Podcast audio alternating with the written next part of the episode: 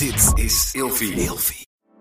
De overgang. 85% van de vrouwen tussen 45 en 60 jaar ervaart overgangsklachten.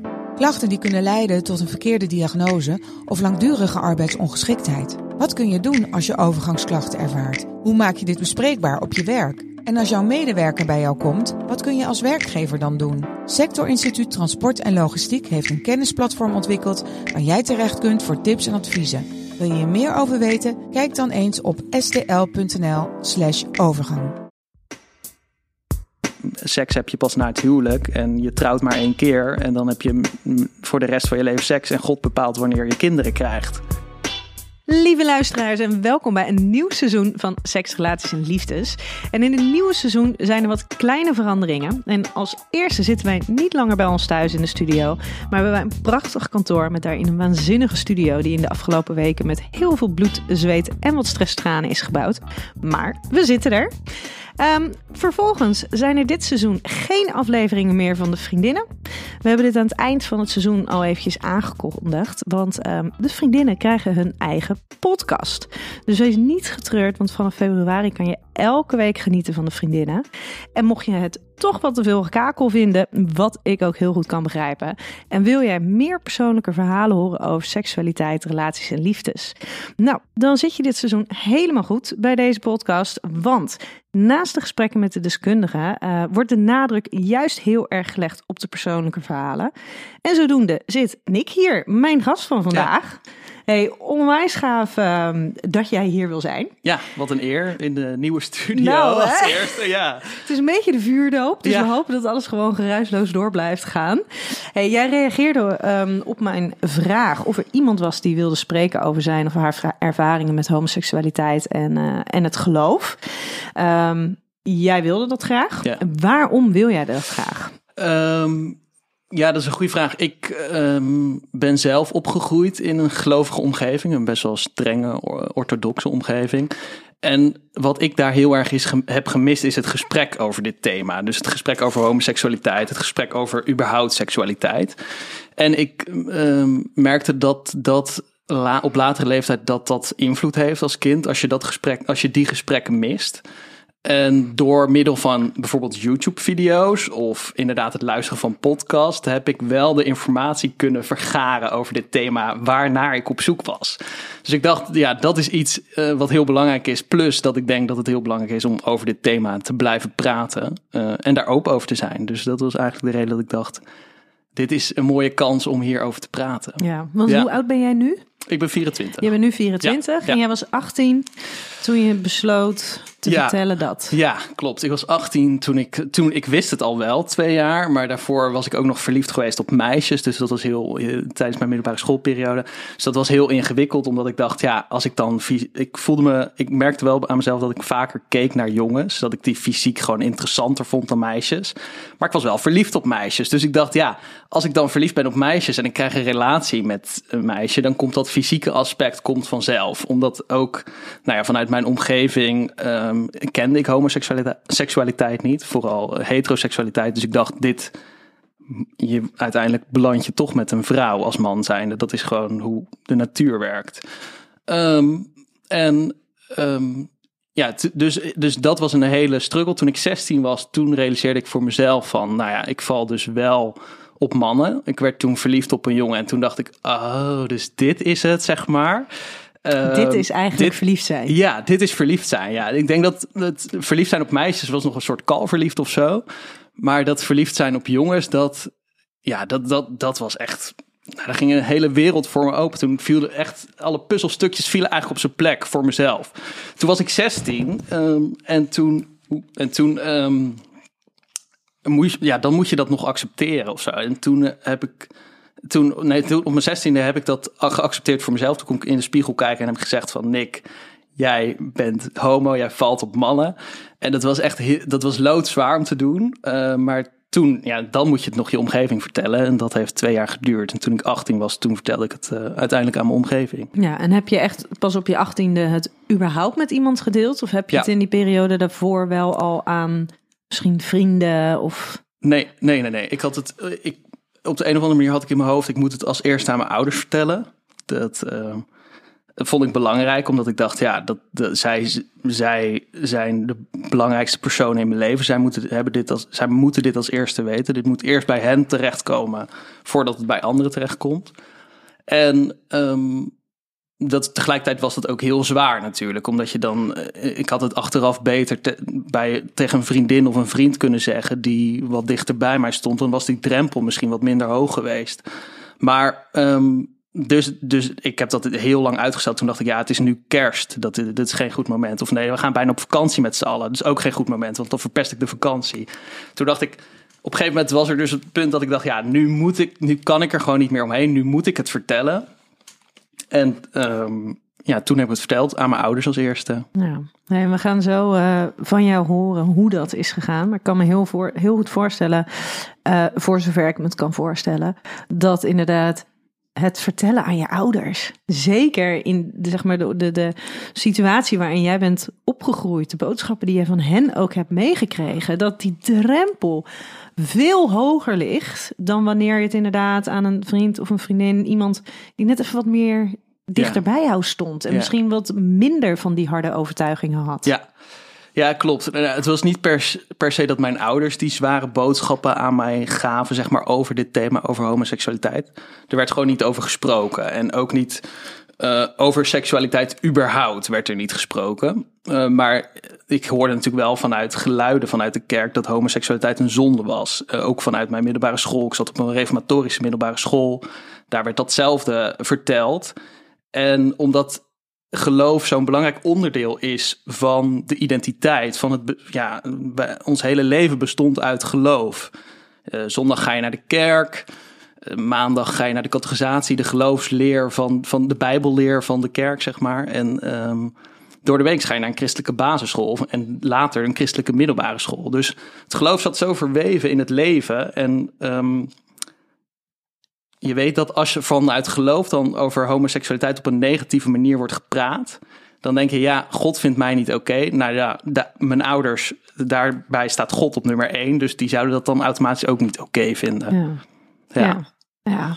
heftig hoor.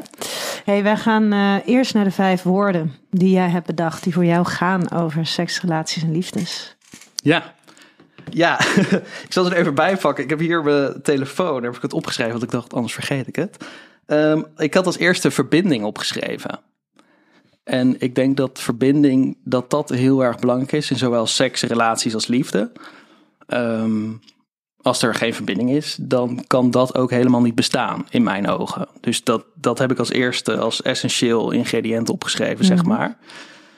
Um, ja, dus dat. Als tweede vrijheid.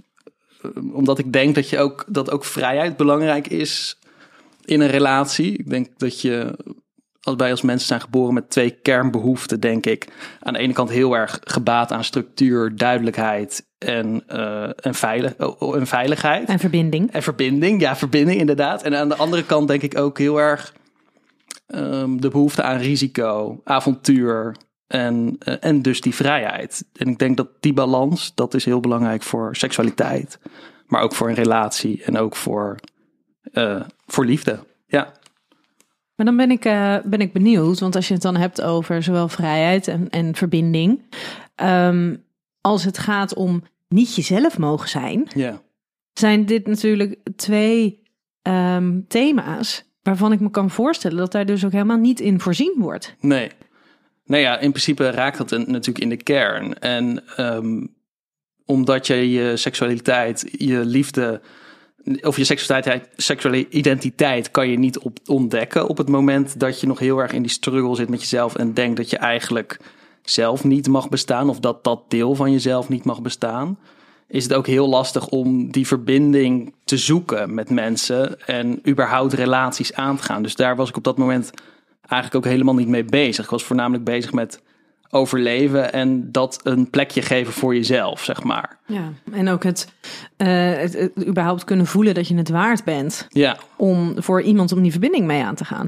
Ja, ja, dat, ja, dat zeg je mooi. Ik denk dat dat inderdaad iets is wat, wat dan ontbreekt. En omdat je seksualiteit is natuurlijk niet.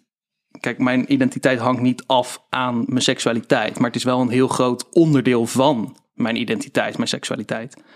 En ehm, als iemand in de kern zegt van dat is zondig of dat is niet goed, ja, dat, dat, dan keur je ook een heel groot gedeelte van jezelf af eigenlijk. Ja, en dat, ehm, ja, dat, dat doet pijn. Zeker als je, eh, als, je als jonge, eh, jonge opgroeit, zeg maar. Of als, als ja, als, als, als een puber die al zoveel onzekerheden heeft. Ja. En, en als je dit dan ook nog erbij hoort, dan ja, dat, dat, dat heeft dan natuurlijk invloed op de relaties die je later gaat aanga- aangaat, denk ik. Ja, en dat vind ik ook altijd zo'n bizar contrast. Hè? Sowieso heb ik altijd een beetje moeite met het hele idee van uit de kast komen. Want dat suggereert dus een soort van dat jij anders bent dan mensen die heteroseksueel zijn. Ja. Want die hoeven niet uit de kast te komen.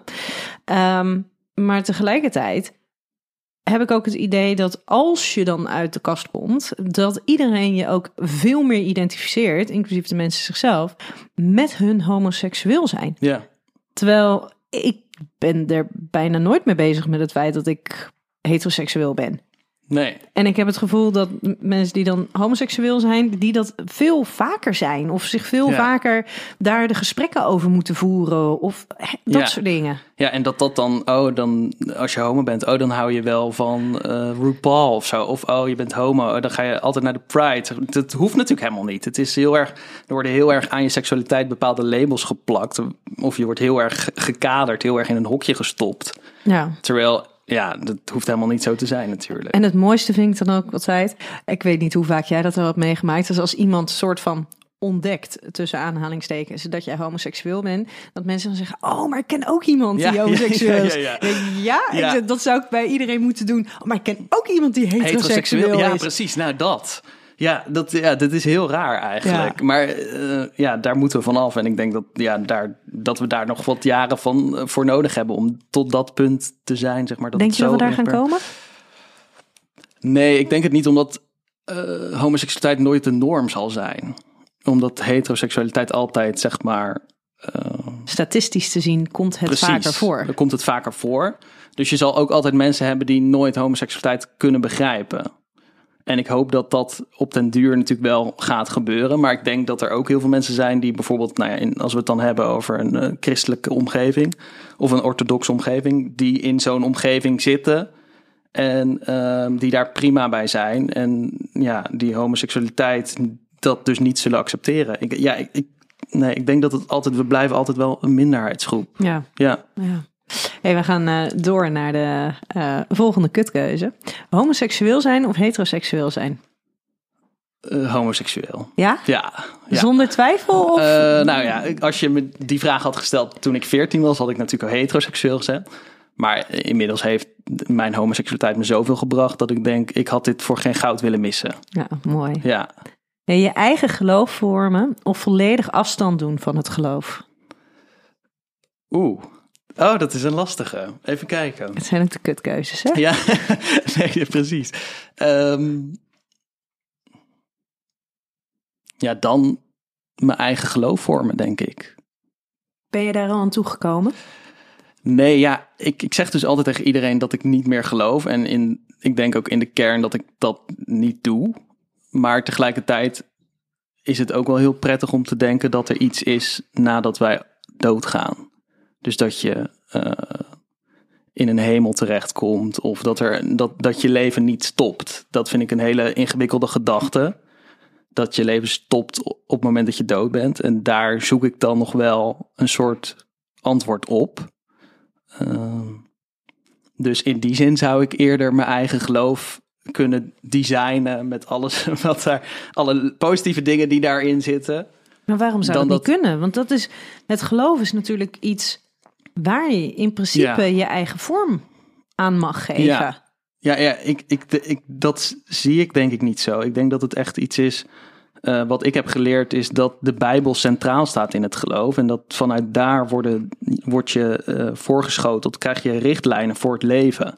En ehm, op het moment dat je het dus zelf gaat invullen, dan eh, raak je los van de Bijbel. Dat is een beetje de, de, de orthodoxe leer die ik, kijk die ik erop heb gekregen, zeg maar. Ja.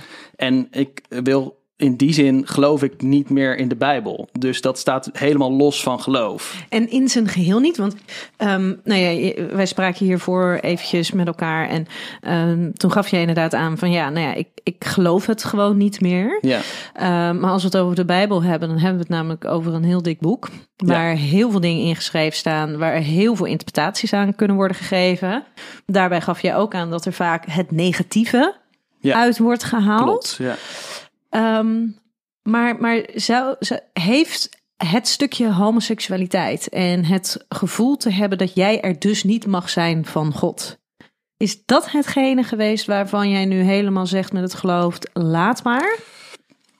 Nou, het is niet eh, alleen dit. Het heeft wel de aanzet gedaan naar, zeg maar. Dus Naar door de- kritischer kijken? naar kritische kijken, inderdaad. En naar dat ik dacht op een gegeven moment: oké, als een geloof dus dit kan eh, verspreiden. en er zijn heel veel mensen die dit geloven, omdat het in de Bijbel staat. Wat kan er dan nog meer verspreid worden? eh, Waarvan je eigenlijk denkt: huh, eh, dit is oneerlijk. Maar wat wel door heel veel mensen wordt opgepikt, omdat het in de Bijbel staat. En toen, eh, toen ik me dat realiseerde, ben ik meer gaan kijken en kritischer naar de Bijbel gaan kijken. En toen heb ik wel, nou ja, toen dacht ik van ja, er staan zoveel dingen in waarvan ik denk, daar ben ik het niet mee eens. Of daar zegt de wetenschap iets anders over. Dat, dat is iets wat ik niet ehm, onderstreep. En toen is eigenlijk die stap gezet. Toen heb ik bedacht van ja, nou ja, dan die, die hele Bijbel past gewoon niet meer bij mij. Dus het hele geloof past niet meer bij mij. Dus dan neem ik daar afstand van. Ja, heb ik het nou goed begrepen? En dit is even de reden waarom wij inderdaad in contact kwamen was rondom de serie eh, Coming Out Colton. Ja, En als het goed is, maar nogmaals, dat heb ik niet opgeschreven of wat dan ook, ehm, werd daarin ook gezegd van ja, maar het hele stukje homoseksualiteit, het heet, hele woord homoseksualiteit, bestond eerst helemaal niet in de Ja, Bijbel. ja. Dat is iets wat men erbij heeft geschreven. ja. Ja, dat klopt. Dat, volgens mij kwam dat ter sprake dat die pastoor dat zei. Ik Ja. weet er het fijne en weet ik er niet van. Maar ehm, dat inderdaad, het is dus later, eh, de theorie was dus dat het later was bedacht door mensen die de Bijbel geschreven heb- he- hebben. Maar Of niet herschreven Of herschreven hebben, ja. Maar niet, eh, het had oorspronkelijk niet in de Bijbel moeten staan.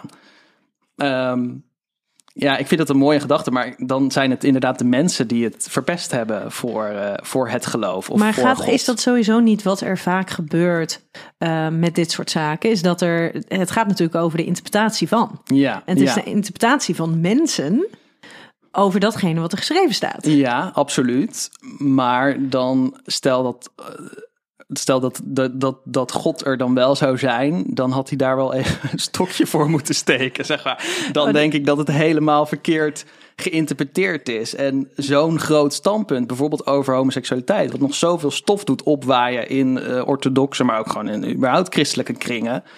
ehm, dat is wel uit naam van religie. En ook daarin koppel je God ook aan. En Ja. dat, daarin denk ik van, ja oké, het is een kwestie van interpretatie. Dus er zullen ook vast kerken zijn die zeggen, bij ons maakt het niet uit. Hè, kom kom eh, zoals je bent eh, eh, en En geen die zitten probleem. veel meer op de heb je naast de lief en verbinding. Kijk, dat en dat, daar heb ik niks op tegen. Dat vind ik eigenlijk alleen maar hele mooie eigenschappen. En dat, dat is ook te prijzen vanuit de Bijbel. Maar ehm, op het moment dat mensen er regels aan gaan koppelen, wat dus wel heel gauw gebeurt, omdat ik denk dat mensen ook wel eh, gebaat zijn bij die richtlijnen of heel erg op zoek zijn naar die richtlijnen. Vanuit de vraag van, ja, waartoe zijn we op aarde? Ehm, eh, is er een God? Eh, dan ben je ook op zoek naar, als er dan een, een, een boek is wat daar antwoorden op geeft en richtlijnen voorschrijft.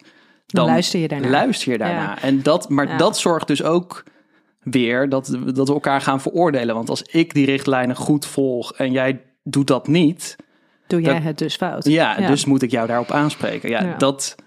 En dat gebeurt ook in de kerk. Dat heb ik meegemaakt. Ja, en dat, dat vind ik, dat zijn nare dingen die eh, van wat mij part heel ver van geloof Ja, het is, en echt- liefde afstaan. het is heel veroordelend eigenlijk. Hè? ja. ja.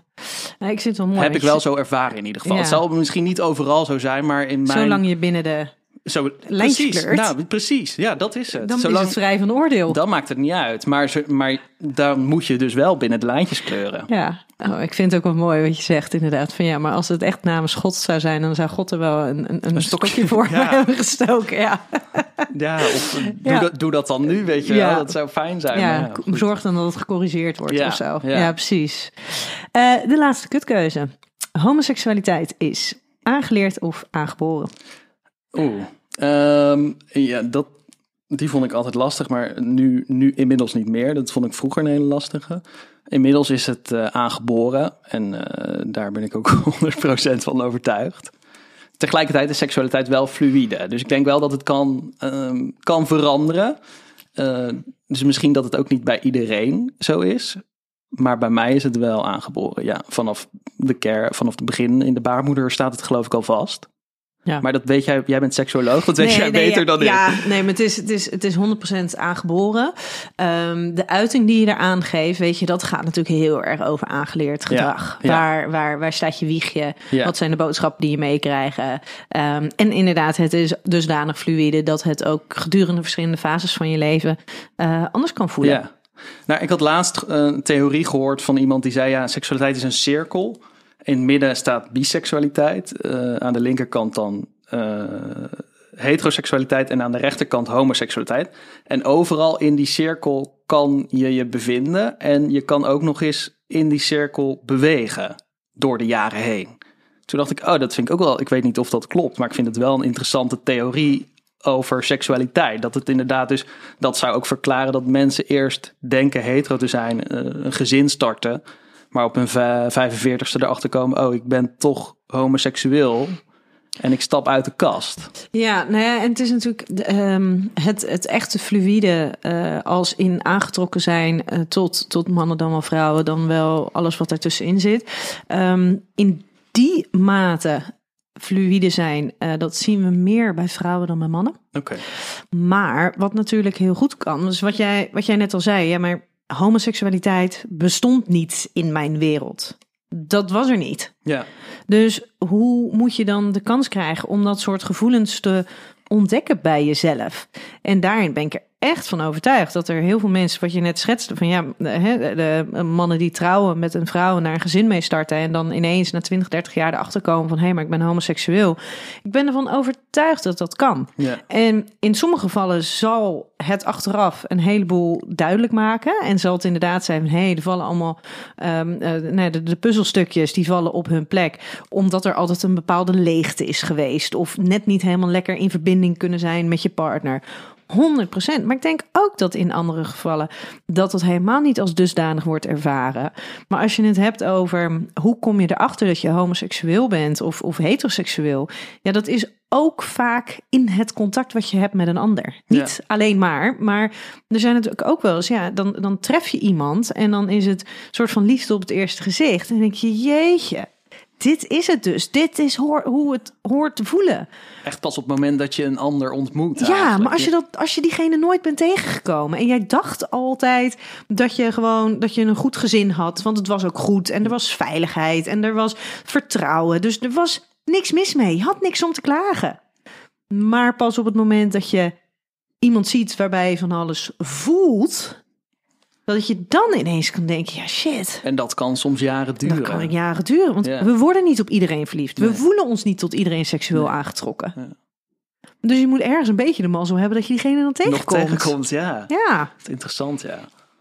weet je, maar dus, dat is een versie van, hè? Ja, nou ja, en ik denk ook eh, daarop doorgaan dat eh, homoseksualiteit bestond inderdaad in mijn jeugd niet. Er waren bijvoorbeeld in de kerk waarin ik zat geen mensen die openlijk homo waren. Maar ik denk wel degelijk, statistisch gezien, moeten daar gewoon een aantal homo's, eh, lesbiennes en transgenders zitten natuurlijk. Ja, of Dus- nieuwsgierigheid, of, in- in, ieder geval wel de seksuele gevoelens Ja. hebben. Ja, Maar ik denk dat inderdaad dat, dat, dat die zijn of hun geliefde nog niet tegengekomen, omdat ze die ruimte nooit hebben gegeven aan zichzelf om dat te kunnen ontdekken. Eh, of ze weten het wel, maar ze doen het stiekem en eh, eh, naar de buitenwereld toe lijkt het alsof ze gewoon een relatie hebben met een, of hebben ze gewoon een relatie en hebben- lijkt het een gelukkig huwelijk, want het klopt. want het klopt. Ja, en dit is wat God bedoeld heeft. Ja, Ja. ja. Nee, we gaan naar de stellingen. Een reformatorische middelbare school is traumatisch voor homoseksuele kinderen. Ja, eens. Ja, ik denk dat dat, dat, dat klopt, omdat je um, of in de kern kan je niet zijn wie je bent. Dus um, op het moment dat jij geen ruimte hebt om je seksuele identiteit te ontwikkelen, dan, um, dan is dat traumatisch later. En is daar een verschil tussen, hè, want jij je, je wist het rond je zestiende, wist je het. Uh, van, nou ja, rond je achttiende ben je het pas gaan, gaan vertellen. Um, is er een verschil tussen de periode waarin je het jezelf nog niet bewust bent en vanaf de periode waarin je het wel weet? Uh, of het traumatisch is dan. Um, Wat de impact is van nou ja, het, het, het feit dat homoseksualiteit een zonde is. Nee, ik denk dat het van begin af aan moet die omgeving al veilig zijn. Dus vanaf begin af aan moet, moet je al tegen kinderen kunnen zeggen: hey, jij kan hetero zijn, maar je kan ook net zo goed homo zijn. Het maakt in principe, of, of lesbisch, of de hele LHBTI-vlag, zeg maar, daar kan je ook onder vallen. Als die ruimte er niet is, sterker nog, als er wordt gezegd, en dat gebeurt dus op een reformatorische middelbare school, dat jouw identiteit, dat een deel van jouw identiteit zondig is, want jouw seksualiteit is zondig. Um, dus jij bent eigenlijk dus jij zondig. Bent ja, precies. Dus jij bent zondig. Dan is dat al traumatisch. Ook al ben je nog op zoek naar wie je bent. Dus ook al zit je nog in dat proces, dan is dat traumatisch. Omdat je niet de ruimte krijgt om jezelf te ontwikkelen. Um, en als je die gevoelens dus wel krijgt, dan weet je gelijk al, dit is slecht. Dus dan er komt een soort zelfhaat. En die neemt de overhand. Uh, zelfhaat en schaamte. En dat neemt de overhand. En ik denk dat je daar je hele leven last van blijft houden. Als dat je start is. Ja, dus, zeker. Ja, en ja, misschien absoluut. zelfs nog wel um, los van hoe het daarna loopt. Dat als dat je basis is geweest, dat dat misschien altijd wel een beetje zeg maar die kritische stem blijft. Die Zeker. af en toe eens even de ja, kop opduikt. Altijd, denk ik. Ja. En dat is natuurlijk hoe je daar later mee omgaat. Of, dat, of je dat laat, uh, jouw leven laat bepalen. Of dat invloed laat zijn op je verdere leven. Maar ik denk dat het een hele grote stempel drukt. Vanaf de basis al. Ja. Zou, zou het eigenlijk zo moeten zijn dat op elke school gewoon de boodschap moet zijn. Het is niet vanzelfsprekend dat je heteroseksueel bent. Ja, absoluut. Dat denk Nog ik even wel. los van al het andere wat de mogelijkheden allemaal zijn, maar Ja. gewoon dat. Ja, zeker. Ik denk dat je dan al. En zeker niet het demoniseren van homoseksualiteit. Of het demoniseren van anders zijn op genderidentiteit of seksuele identiteit. Want op het moment dat je dat gaat doen, dan. Kijk, dat wordt vanuit de maatschappij al gedaan, natuurlijk, voor een groot deel. Hè, En ook op niet-reformatorische scholen. op niet-reformatorische scholen wordt heel veel gescholden met homo. Ehm, als je iets niet goed doet, eh, als je niet snel bier drinkt, dan ben je een flikkertje. ja, als je, bent toch geen mietje? bent geen watje. Heel erg. eh, eh, we hebben heel erg het ideaal. Het ideaal is een, een masculine, sterke man, heb ik altijd het idee. Ehm, dus dan als homo, dan heb je natuurlijk vrouwelijke eigenschappen. En, of niet iedereen. Niet, iedereen. hè? Nee, klopt. Dat is wel nee, heel gelijk. interessant hoor, maar het is niet natuurlijk. Nee, nee, nee, dat klopt. Ehm, maar sneller, denk ik. En ik denk dat in mijn geval dat ook, eh, ook het ehm, Geval is geval is geweest, inderdaad.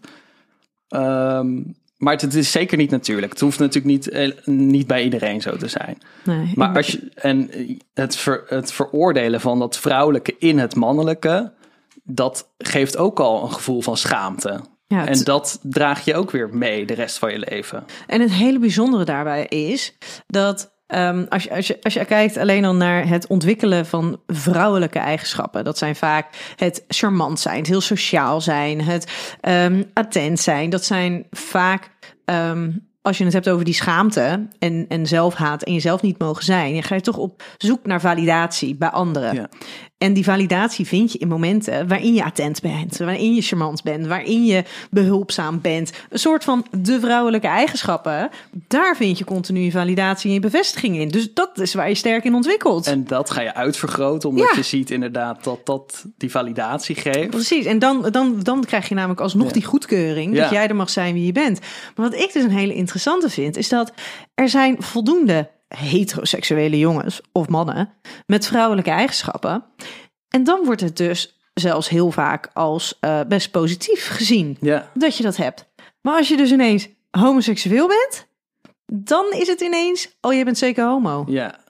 Maar op het moment dat je een relatie hebt, dan maakt het niet Ja, met een vrouw. Dan eh, precies, een het niet- heteroseksuele. Ja, precies, ja. Dan is het ineens, oh wat fijn dat, je, dat hij zo attent is, joh. Jeetje, deed mijn vent dat maar.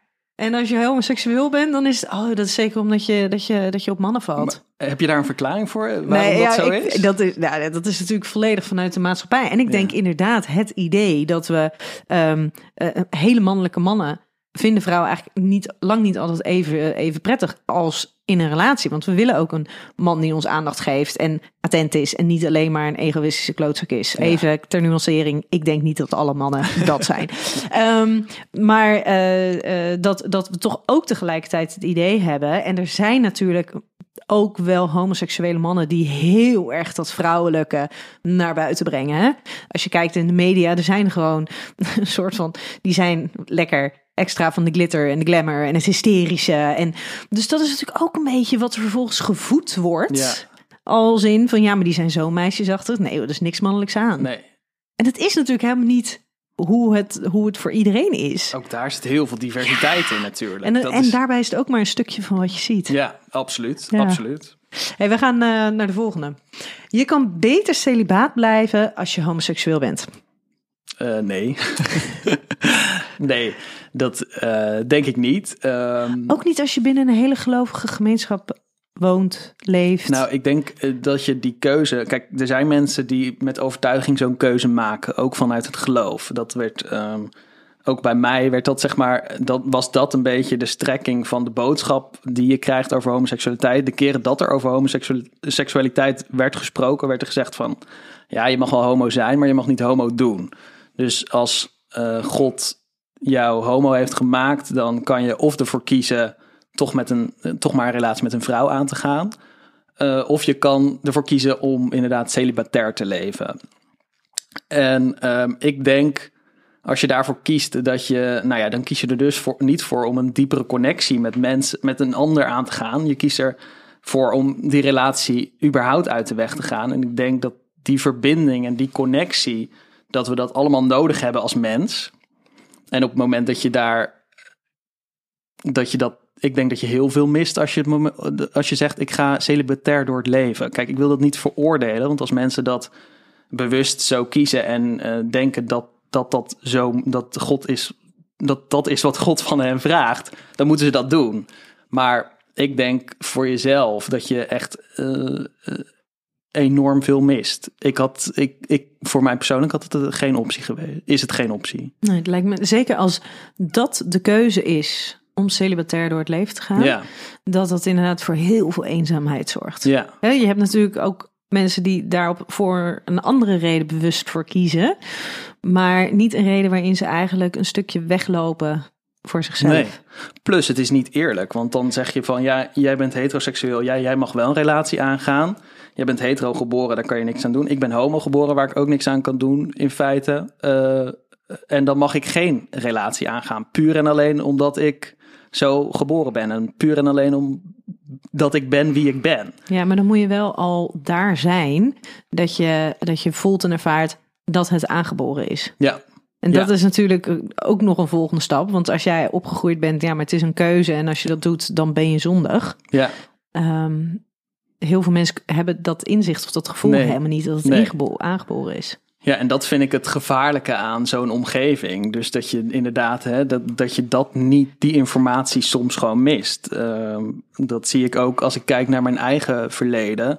Daarin praatte iedereen hetzelfde verhaaltje vanuit de Bijbel na. Op het moment dat je ehm, kritische vragen stelde, dan, dan, nou ja, dan was er iets mis met je. Of dan moest je maar nog wat beter de Bijbel gaan lezen, zeg maar.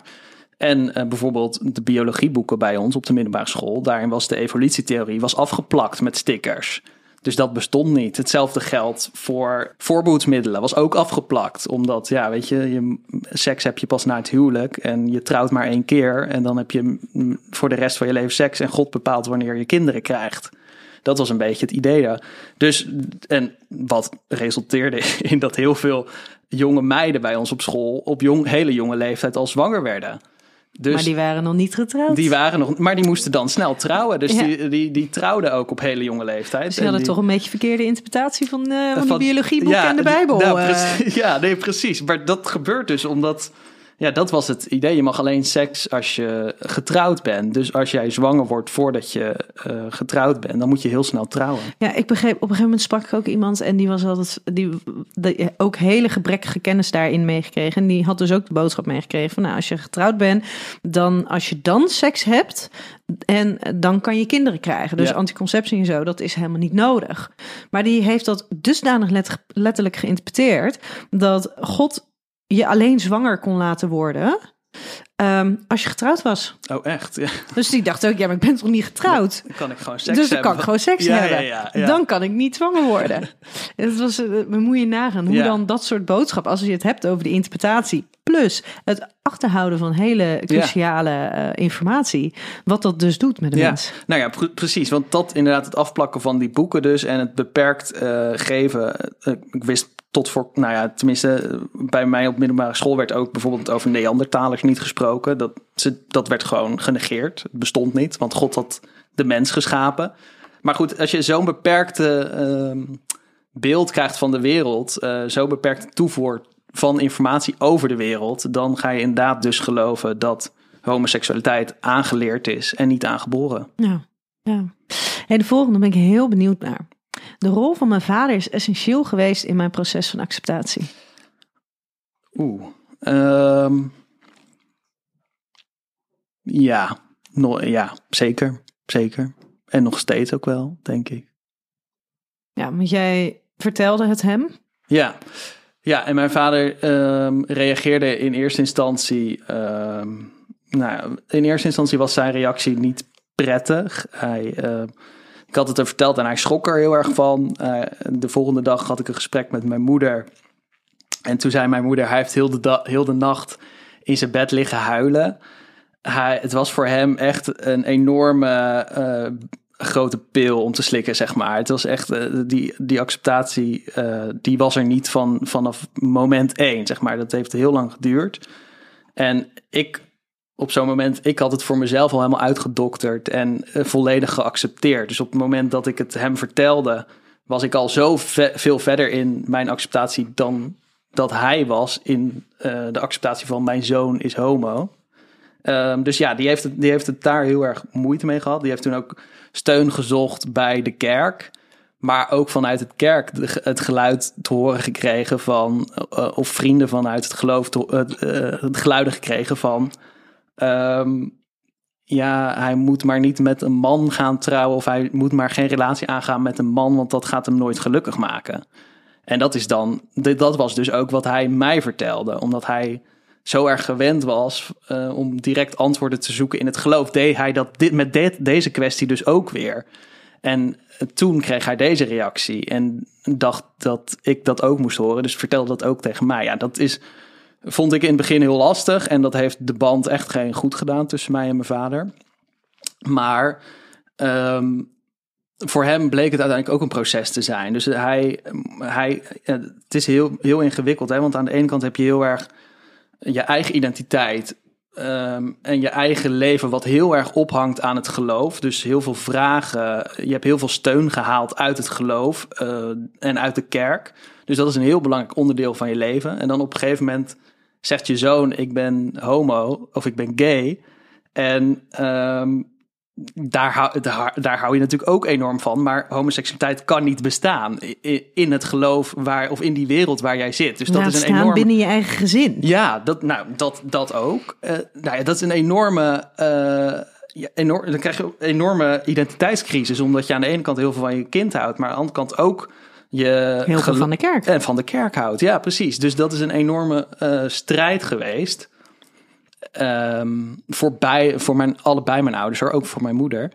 Ehm, maar daarin is hij wel heel erg veranderd. Dus dat is wel, hij is daarin echt 180 graden gedraaid. Hij zit nu ook in eh, een, een groep in de gemeente om dit thema meer bespreekbaar te maken. Om homoseksualiteit meer bespreekbaar te maken binnen de gemeente. Dus dat is wel, hij is wel echt weer de andere kant opgeslagen. En dat vind ik, dat vind ik heel prettig. Maar ja, op het moment dat hij op het moment dat ik uit de kast kwam, had ik natuurlijk een andere reactie verwacht. En die reactie. Maar is dat zo? Want je hebt er. nou, misschien niet verwacht, maar wel geduurd. gehoopt. Ja. Je heeft twee jaar geduurd. Jij hebt met je eigen, zeg maar, je interne strijd gezeten. Met tussen, ja, maar ik, ik, ik mag niet homoseksueel zijn. Het kan niet homoseksueel zijn. eh, maar ik voel het wel. Ja. Eh, jij hebt er zelf mee geworsteld. Je bent zelf daardoor met een heel proces eh, doorheen gegaan.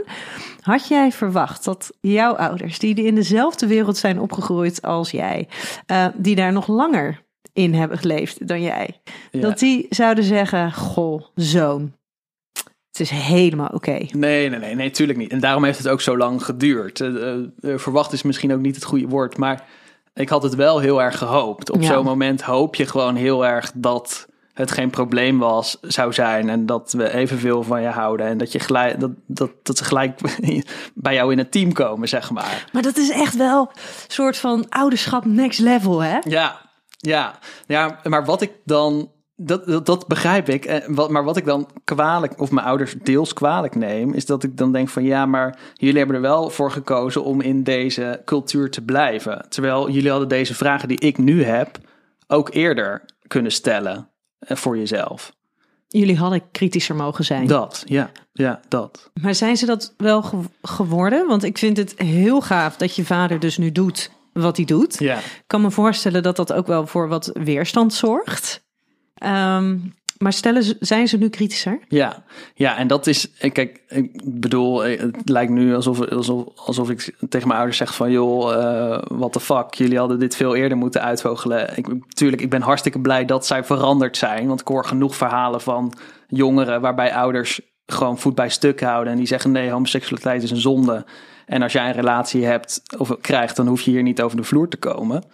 Dus daar, dat is heel bewonderingswaardig eh, van mijn ouders. Dat, dat, en ik besef ook dat dat een moeilijk proces is geweest. Dus dat is, dat, daar ben ik echt heel blij mee. En ze vonden jou het waard om daar Om- doorheen te gaan. Zeker, ja, ja, ja dat, is, eh, dat, dat, dat absoluut. En dat is natuurlijk mooi. Maar wat ik, eh, jouw vraag was of ze kritischer zijn Ja. nu op het geloof. En ik merk wel dat ze er inderdaad, dat ze er gewoon veel mee bezig zijn met deze thema's. En eh, ook kritischer over deze thema's nadenken. Zeker ook over homoseksualiteit. Ehm,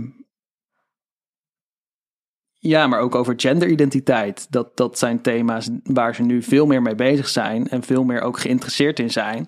Maar ook kritischer over zijn binnen de kerk. Zeker. Ja. Ja. Ja, maar het lijkt me ook lastig dan inderdaad voor, voor jouw ouders. Want die komen natuurlijk net zo goed in een wereld terecht waarin eh, nee, dat, die kritiek niet altijd eh, gewaardeerd zal Ja. worden. Nee, Ja. zeker. Zeker. Dat denk ik ook. De volgende. Voorbeelden zijn als kind van cruciaal belang in het vormen van je seksuele identiteit.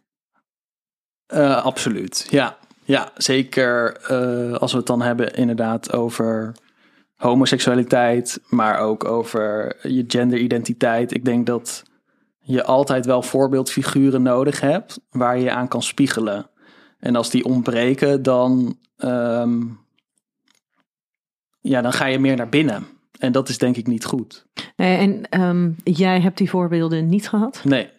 Ehm, zou jij zo'n voorbeeld nu willen zijn voor mensen binnen diezelfde gemeenschap als waar jij bent opgegroeid? Ja, ja, zeker. Probeer je dat, ook te zijn? Of zou je dat Ehm, misschien op een later moment? Want het is natuurlijk best nog wel vers. Ja, klopt. Ja, nee, nee, zeker. Dat, dat is waar. En ik, aan de ene kant eh, vind ik het lastig, omdat ik, ik wil in principe niet meer in die gemeente naar de kerk gaan of eh, betrokken zijn op wat voor manier ook bij de gemeente, omdat ik denk, ja, eh, dat is het niet meer waard. En er zijn zoveel kerndingen, eh, kernpunten waarin ik nu anders denk dan dat zij doen. Ehm, dus nee, in die zin denk ik, denk ik dat ik binnen die gemeente dat mijn rol daar niet, niet ligt. Zeg maar. maar ik zou wel graag een voorbeeld willen zijn voor jongeren. En eh, die in zo'n omgeving opgroeien. En op dit moment doe ik dat door. Nou ja, mijn, in mijn werk als journalist maak ik items over dit thema. Ehm, eh, ik heb een column geschreven over dit thema. Ik probeer wel me uit te spreken over dit thema. En dat, eh, ja, dat, vind ik, dat vind ik belangrijk. En daarmee hoop ik dan ook wel mensen te bereiken. Ja, en zeker ook die doelgroep. Ja, absoluut. Want ja. dat, ja, die hebben natuurlijk, die gaan zelf niet altijd op zoek. Nee, Omdat ze niet weten dat het er is. nee, zeker, zeker. En ehm, ja, ik denk ook met, me, ehm, met mijn familie in gesprek gaan, dat, dat levert ook al heel veel op. Bijvoorbeeld, mijn broer kwam laatst, die zit, eh, was nog wel toen de tijd actief in die gemeente. En die had eh, ook op een avond voor categorisatie, dus eh, bijbelleer vanuit de kerk, zeg maar, voor de jongeren. ging het over homoseksualiteit. En toen had hij mij opgebeld en zei hij van, ja, ze gaan het hebben over homoseksualiteit. Vind jij het goed dat ik jou noem en jouw verhaal gebruik om hier een, op een andere manier over dit thema te spreken. En toen zei ik, ja, nee, tuurlijk, dat, dat, dat juich ik alleen maar toe. Dus ik denk ook inderdaad, nou ja, alleen al het erover praten, daar, daarmee bereik je mensen en daarmee zet je dingen in werking. Dus Ja. dat is heel belangrijk. En zij zit, jouw familie zit nog heel erg in die gemeenschap. Ja. Dus die kunnen die mensen ook bereiken. Ik hoop het, ja, Ja. ja. ja, En dat, ja dat, daar ga ik wel van uit. Ja. Ja. En de laatste stelling eh, voordat wij eh, gaan afronden. Homoseksualiteit en geloof gaan prima samen. Ja, voor mij, voor mij niet. Ehm, ik heb het idee dat dat niet naast elkaar kan bestaan. Voor mij persoonlijk dan. Ik denk wel dat het voor anderen wel zou kunnen. En heeft dat ook nog iets te maken met de, soort van de, de mate van intensiteit waarmee jij met het geloof bent opgegroeid? Ehm, En, en de, ja, de, ja, ik wou, dat is niet een heel netjes woord, maar een soort van de rigiditeit van het geloof daarbij. ja, ik denk, denk dat je dat woord wel kan gebruiken. En ik denk inderdaad dat dat er zeker mee te maken heeft. Ehm, ja, tegelijk, ja, dat. Omdat homoseksualiteit, er werd zo duidelijk over gesproken van het is een zonde. En ik had ook het, toen dat, ik, dat was in het begin van mijn, ook toen ik op de middelbare, reformatorische middelbare school zat, ging ik later naar een, een HBO. Dat was een christelijke HBO, maar ik kwam daar ook in contact met andere geloven binnen die grote bulk, wat het christendom heet, zeg maar. Dus daar kwam ik dan eh, iemand van de Pinkstergemeente tegen. En toen dacht ik, oh, maar die zal dan vast heel anders denken over dit thema. En die zal veel progressiever nadenken over dit thema. En toen raakte ik met hem in gesprek. En toen bleek eigenlijk dat zij ook allemaal vinden, of tenminste in, in zijn gemeente, dat homoseksualiteit een zonde is. En dat je maar moet bidden eh, of God je mag genezen, zeg maar. Toen dacht ik, ja, weet je, het zit zo ook verweven in het christendom. Tuurlijk niet bij iedereen. En tuurlijk zal er ook wel een kerk zijn waarbij dat helemaal niet het geval is. En waarbij je gewoon prima homo kan zijn. En dat het helemaal no big deal is. Maar ik wil gewoon niet meer gelabeld worden aan het christendom. Omdat ik weet dat binnen het christendom het gewoon ontzettend veel gebeurt. Dat de afkeuring van homoseksualiteit en nog steeds het verkondigen van dat homoseksualiteit zonde is. Ja. ja, ook al zou daar een kerk zijn waarbij de regenboogvlag gewoon Ja. wappert. Nou ja, dus voor, voor mij gaat dat niet meer samen. Nee. Ja, misschien inderdaad wat ik in het begin ook zei, dat ehm, mijn religie dan vormgeven op een hele eigen manier. Maar goed, daar staat de Bijbel dan verder en het christendom staat daar helemaal los van. Ja, en jij hebt zo geleerd dat die Bijbel centraal staat in het geloof. Ja, ja, Ja. absoluut. Ja. Ja, dus ja, dat kan niet. In mijn ogen, tenminste voor mij persoonlijk, kan dat niet bestaan. Maar goed, ik weet dat die struggle heel moeilijk is en dat ehm, je geloof, geloofsidentiteit ook heel belangrijk is. Dus ik zou het mensen wel gunnen om dat deel van hun identiteit te behouden en ook hun seksualiteit te omarmen. Ja, en dat die twee gewoon naast elkaar mogen die- bestaan. ja, ja. Maar ja, voor mij niet. Maar als dat voor anderen, ik zou andere mensen zou ik dat wel gunnen. En wellicht als wij meer, eh, als de kerk wat, meer, wat progressiever was geweest, had dat bij mij ook nog kunnen bestaan. Maar op dit moment. Nou, trouwens, dat weet ik eigenlijk niet. Ik was zit niet zo. denken, Nee, Het precies. was het niet was zo. niet zo. En eh, ja, er zijn gewoon echt heel veel dingen in het christendom waar ik het fundamenteel mee oneens ben. Dus mm, ik, nee, ik ben bang dat dat niet meer eh, Nee. iets gaat worden. Oké. Nee. Hey, wij, eh, wij gaan hem heel erg afronden. Ehm, heel erg afronden. dat klopt echt niet. Ik wou zeggen, ik wil jou heel erg bedanken dat jij eh, eh, hier jouw verhaal hebt willen doen. Is er nog iets waarvan jij denkt, eh, als er een luisteraar is of iemand kent iemand die hiermee worstelt tussen het stukje homoseksualiteit en, en ehm, het geloof, wat, wat is dan iets wat je zou willen meegeven aan hen? Ja, ik denk dat het belangrijk is dat je in gesprek gaat met anderen. hoe moeilijk dat ook is. Ehm, maar probeer echt over te praten. En uiteindelijk lucht dat zo erg op. Uh, dat neemt zo'n last van je schouders weg. Dat, dat is denk ik het allerbelangrijkste om te doen. Probeer, zoek iemand die je vertrouwt om dit onderwerp te bespreken. En iemand waarvan je ook weet dat die uh, open-minded is en dat die um, niet per se uh, negatief staat tegenover homoseksualiteit. Ik denk echt dat het belangrijk is dat jij jouw verhaal mag doen. En daar heb je mensen, ja, daar heb je echt mensen voor nodig. Dus ga, ga in gesprek. Ik denk dat dat de eerste stap is. Ja. Hey, ontzettend bedankt. Um, ik hoop dat uh, dit een van de verhalen is die uh, verteld gaan worden in dit seizoen over religie en seksualiteit. Uh, zoals jij zelf ook al aangaf, ja, dit soort gesprekken moeten gevoerd worden. Ja. Want ze moeten gehoord worden. Absoluut, ja. ja. Bedankt dat ik hier mocht zijn. Nou, heel graag gedaan dat je deze, ja. en dat je deze vuurdoop ja. aandurfde. Ja. En uh, lieve luisteraar, tot volgende week bij een nieuwe aflevering van Seks, Relaties en Liefdes.